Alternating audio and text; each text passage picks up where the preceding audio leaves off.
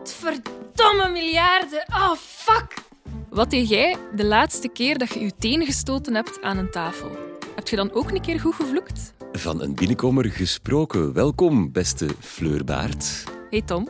Het is herkenbaar, hè? Een keer goed vloeken op die tafel als je er net zelf bent tegengelopen. Maar waarom doen wij mensen dat nu eigenlijk?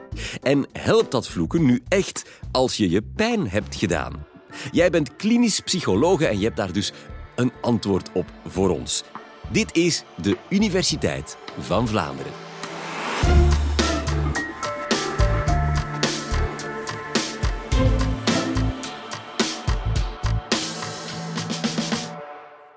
Ja, inderdaad. Hè, daar zeg je het ook. Het is zeker iets heel herkenbaar. Hè. Dit scenario zal ons waarschijnlijk allemaal wel bekend in de oren klinken. Hè.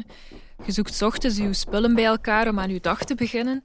En wanneer je alles net bij elkaar hebt, kun je je autosleutels nergens vinden om te vertrekken.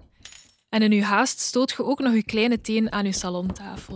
En uit pure frustratie lost je ook een welgemeende godverdomme, waarna dat je partner geschrokken komt aangesneld om te kijken wat er gebeurd is. Nu, dat tafereel kennen we allemaal. Hè. Misschien is het u vanmorgen nog wel overkomen. Die kans is zeker niet klein, want wist je dat een mens gemiddeld om de 4 à 5 uur dat hij wakker is, een bepaalde vorm van pijn ervaart? Of dat het nu gaat om uh, je tong verbranden aan je eerste slok koffie s morgens, of je teenstoten aan de salontafel, een gemene tackle tijdens het voetballen of een zware hoofdpijn na een lange werkdag. Maar helpt het dan echt om op zo'n moment een keer heel goed te gaan vloeken? Godverdomme, man. Of wanneer je ziet dat je partner pijn heeft, maakt je dan stilletjes uit de voeten of ga je er dan best net naartoe? En wanneer een kind valt tijdens het spelen, wat doe je dan best als ouder? Nu, om op die vraag te kunnen antwoorden, gaan we eerst een keer moeten inzoomen op wat dat er nu precies gebeurt in je lichaam en in je hoofd wanneer dat je jezelf pijn doet. Wanneer dat je kleine teen stoot aan een salontafel, dan worden die pijnsignalen opgevangen door pijnreceptoren in je kleine teen. Die pijnreceptoren zijn eigenlijk specifieke zenuwuiteinden die we in bijna elk weefsel van ons lichaam kunnen terugvinden. En die zenuwuiteinden geven dan die informatie door via de ruggengraat naar verschillende specifieke hersengebieden die samen die informatie gaan verwerken, waardoor dat je die pijn ook echt gaat gaan voelen. Maar dat is natuurlijk de fysieke kant van het verhaal. Wanneer dat je je teen zo hard stoot, ga je merken dat je enerzijds fysiek die pijn in je voet wel voelt, maar dat je ook van alles daarbij gaat denken en allerlei emoties gaat gaan ervaren. Je denkt bijvoorbeeld, oh, hoe is het nu mogelijk? Of hopelijk is mijn teen niet gebroken. En je voelt waarschijnlijk ook kwaadheid of frustratie. Want pijn is eigenlijk ook een, een inherent onaangename ervaring. Wanneer dat we pijn gaan voelen, willen we eigenlijk allemaal dingen gaan doen om die pijn te gaan stoppen. Door bijvoorbeeld de onderliggende oorzaak waardoor dat we die pijn voelen te gaan weghalen of door die in de toekomst te gaan vermijden. En dat heeft eigenlijk alles te maken met het nut van pijn. Die pijn beschermt eigenlijk ons lichaam in die zin dat wanneer je ochtends je tong verbrandt aan je eerste slok koffie, dat je die koffie niet in je mond gaat gaan houden, maar eerder direct terug gaat uitspuwen en dat je in de toekomst iets langer zult gaan wachten vooraleer dat je aan je eerste slok begint. Nu, in dit geval spreken we van acute of tijdelijke pijn, waar dat we vaak, maar niet altijd, duidelijk kunnen zien waar dat die precies vandaan komt. Wanneer dat iemand u bijvoorbeeld een gemene tackle geeft bij het voetballen en jij tegen de grond gaat, dan gaat je waarschijnlijk voelen dat uw hartslag omhoog zal gaan, dat uw ademhaling sneller gaat, dat je even op de grond blijft liggen en misschien ook je pijnlijke scheenbeen gaat gaan afschermen of erover gaat wrijven. S'avonds gaat je misschien een pijnstiller nemen en misschien gaat je jezelf wel even rust gunnen en de volgende training gaan uitzetten. Je gaat dus eigenlijk de oorzaak van die pijn gaan weghalen en je lichaam tijd geven om te herstellen en die situaties in de volgende match proberen te voorkomen door bijvoorbeeld die ene speler zoveel mogelijk uit de weg te gaan. Nu, in dit verhaal richt ik mij als klinisch psycholoog en als onderzoeker op twee belangrijke vragen. Ten eerste, als klinisch psycholoog buig ik mij vooral over chronische pijn, die dus niet meer verdwijnt na verloop van tijd of na voldoende rust en herstel. En hier ga ik eigenlijk samen met cliënten mij de vraag stellen hoe dat men dan met die aanhoudende pijn kan omgaan. Of in andere woorden, hoe dat men dan letterlijk met die pijn kan gaan leven. En daarnaast, als onderzoeker, ben ik vooral bezig met de vraag wat maakt dat elke persoon pijn op een andere manier gaat ervaren. Bijvoorbeeld, wanneer je naar de voetbalwedstrijd van je tienjarige zoon gaat kijken, dan ga je misschien wel zien dat de ene jongen bij een klein duwtje onderuit gaat en huilend van de pijn op de bank gaat gaan zitten, terwijl dat de andere even de modder van zijn t-shirt veegt en direct weer verder speelt alsof er niets gebeurd is. En hoe kan dat dan? Nu, het antwoord op die tweede vraag is eigenlijk heel ingewikkeld. Het is namelijk niet zo dat hoe ernstiger een verwonding of een blessure, hoe meer pijn dat we voelen. Twee mensen met exact dezelfde verwonding kunnen toch een heel andere pijnervaring hebben. En we weten uit onderzoek dat er eigenlijk een heleboel andere zaken zijn, behalve die verwonding, die mee kunnen gaan beïnvloeden hoe dat wij pijn ervaren. Aangezien dat pijn vooral een fysieke ervaring is, denken we vaak meteen aan andere biologische of fysieke zaken die onze pijn kunnen gaan beïnvloeden. En dat is voor een groot deel ook zo, want een aantal biologische factoren, zoals ons temperament, onze hormonenhuishouding, ons geslacht en onze leeftijd, kunnen een grote rol gaan spelen bij hoe dat wij pijn ervaren. Zo blijkt testosteron, het mannelijke geslachtshormoon, onze pijndrempel te verhogen en ons dus minder gevoelig te maken voor pijn. En dat kan deels, maar niet volledig, verklaren waarom de pijngrens bij mannen, ik zeg het niet graag, maar gemiddeld gezien hoger ligt dan bij vrouwen. Nu, dat is enkel het fysieke of het biologische verhaal. En de medische wetenschap heeft eigenlijk heel lang enkel en alleen gefocust op dat biologische. Maar nu weten we wel dat die biologische factoren toch nog steeds niet het volledige verhaal kunnen verklaren. Er blijken nog twee belangrijke zaken te zijn die een invloed kunnen hebben op onze pijnervaring en waarover ik het nog niet heb gehad. Namelijk het sociale en het psychologische. En het samenspel tussen deze drie factoren, dus het biologische, het sociale en het psychologische, zal ervoor zorgen dat twee individuen met exact dezelfde blessure toch een heel andere pijnervaring kunnen hebben. En laten we nu even inzoomen op die laatste twee, op dat sociale en psychologische aspect dat bij onze pijnervaring komt kijken. Eerst hebben we een aantal sociale factoren. Pijn bestaat en wordt ook geuit in verschillende sociale interacties met andere mensen.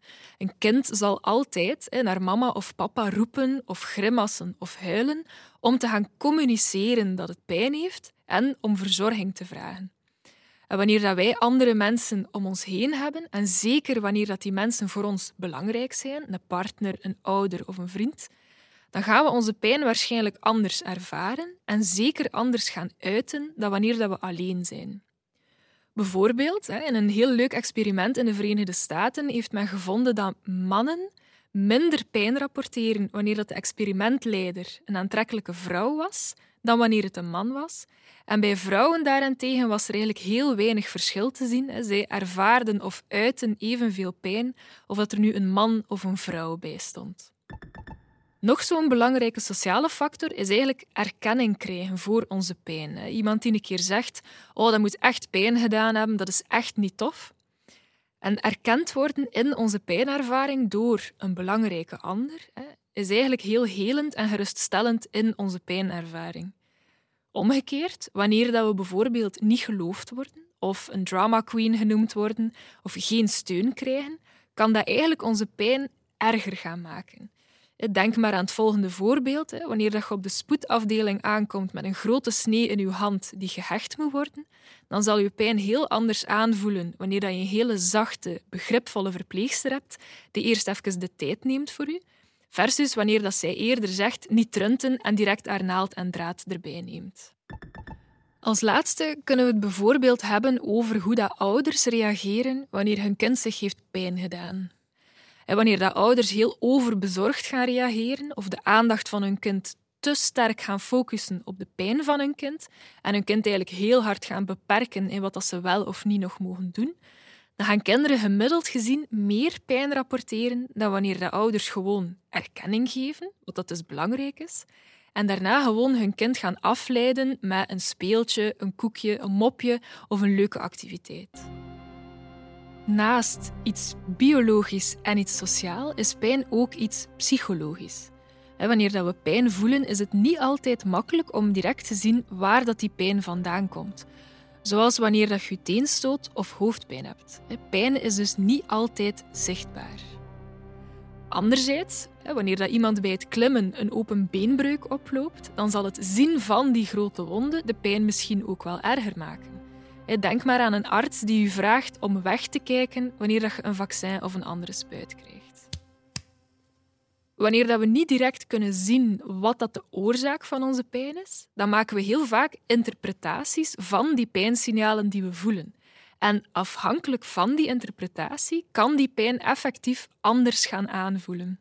Bijvoorbeeld wanneer ik hoofdpijn heb en direct aan een tumor denk die geopereerd zal moeten worden, dan zal ik meer of andere pijn voelen dan wanneer ik denk dat ik gewoon te weinig gedronken heb die dag en een beetje uitgedroogd ben. Dan als laatste, en daar gaat de vraag van vandaag natuurlijk over, voelen we vaak ook emoties wanneer dat we pijn hebben. En wanneer dat we pijn voelen, voelen we ook vaak intense en vaak negatieve emoties, zoals kwaadheid of frustratie, die vaak gericht zijn op de persoon of het object dat ervoor gezorgd heeft dat we die pijn voelen. Dat kan de voetballer zijn die u net te hard getackeld heeft tijdens de wedstrijd. Of dat kan ook jijzelf zijn, wanneer je je kleine teen stoot aan de salontafel, waar je denkt, oh, jij lomp geval. Of de salontafel zelf, dat je denkt, wat sta jij hier te doen? En wanneer dat die persoon of dat object niet aanwezig is, dan kan het zijn dat we die kwaadheid gaan uiten naar iemand die op dat moment toevallig wel aanwezig is, zoals uw partner. Wat dat we dan deflectie noemen. Maar waar komt die boosheid dan precies vandaan?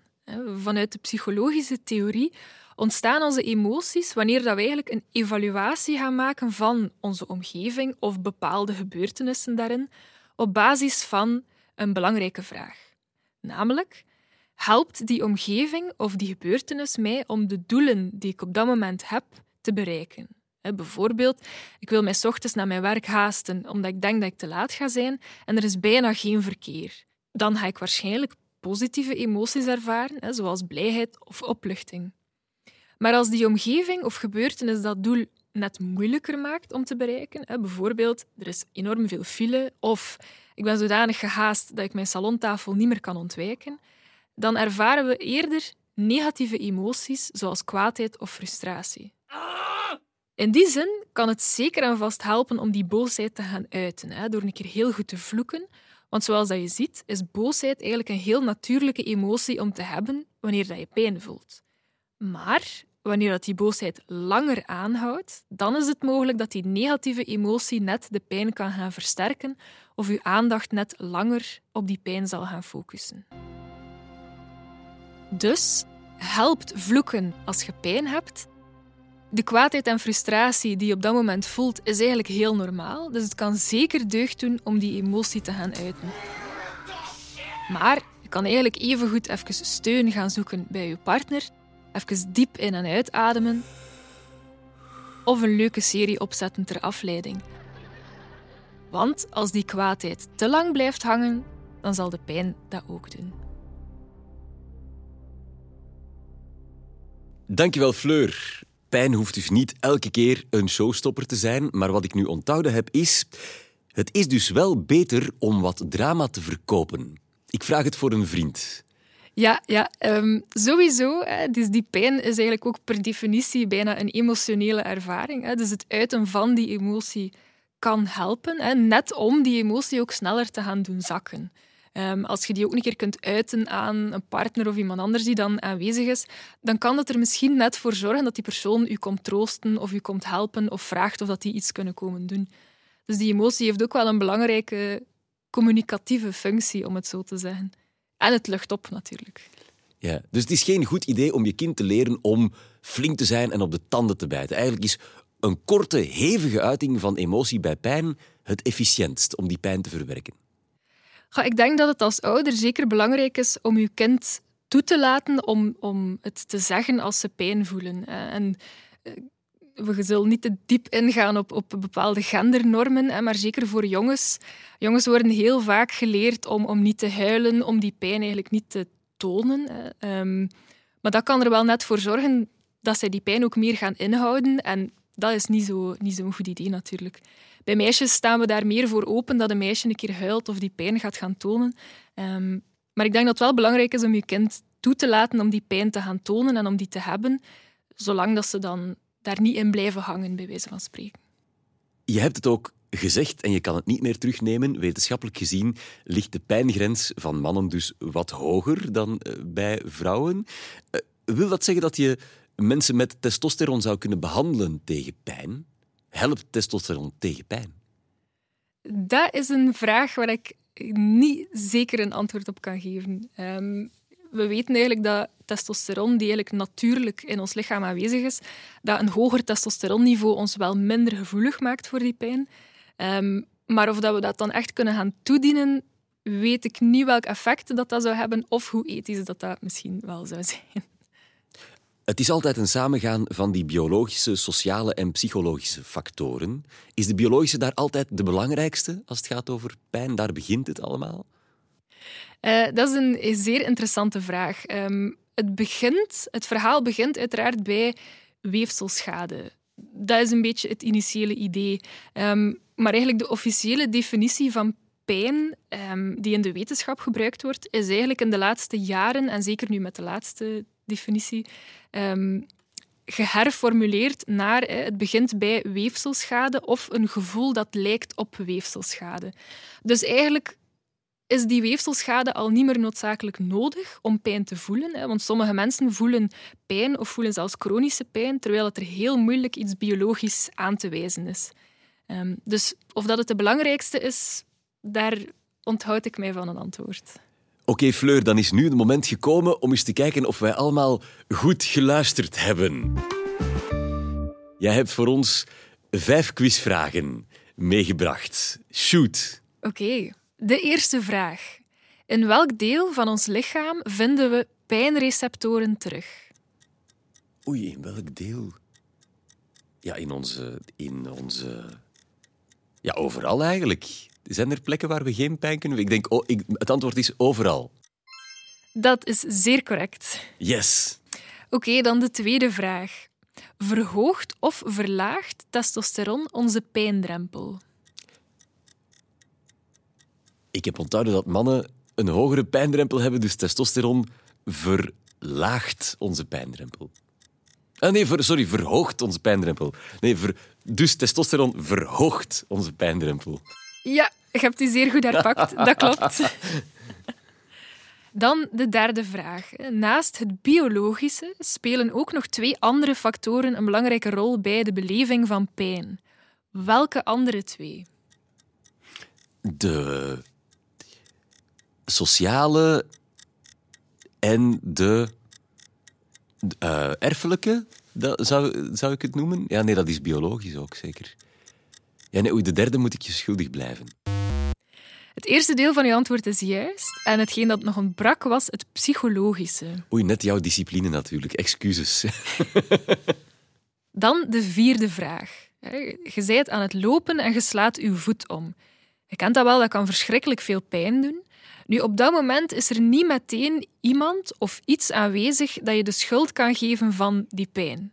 Dus je brult dan maar, godverdomme gij, tegen de meneer wiens hondje zo net in de weg aan het lopen was. Hoe heet dit fenomeen? Het lijkt op inflatie, maar het is niet inflatie. is, um... ik twijfel tussen deflexie is het. Klopt helemaal. Als laatste vraag. Wanneer er een knappe dame in de buurt is, zullen mannen dan net meer of minder pijn rapporteren dan wanneer er een man in de buurt is? Veel mannen zullen wellicht iets minder pijn um, veruitwendigen in de aanwezigheid van een potentiële partner. Klopt. Aha.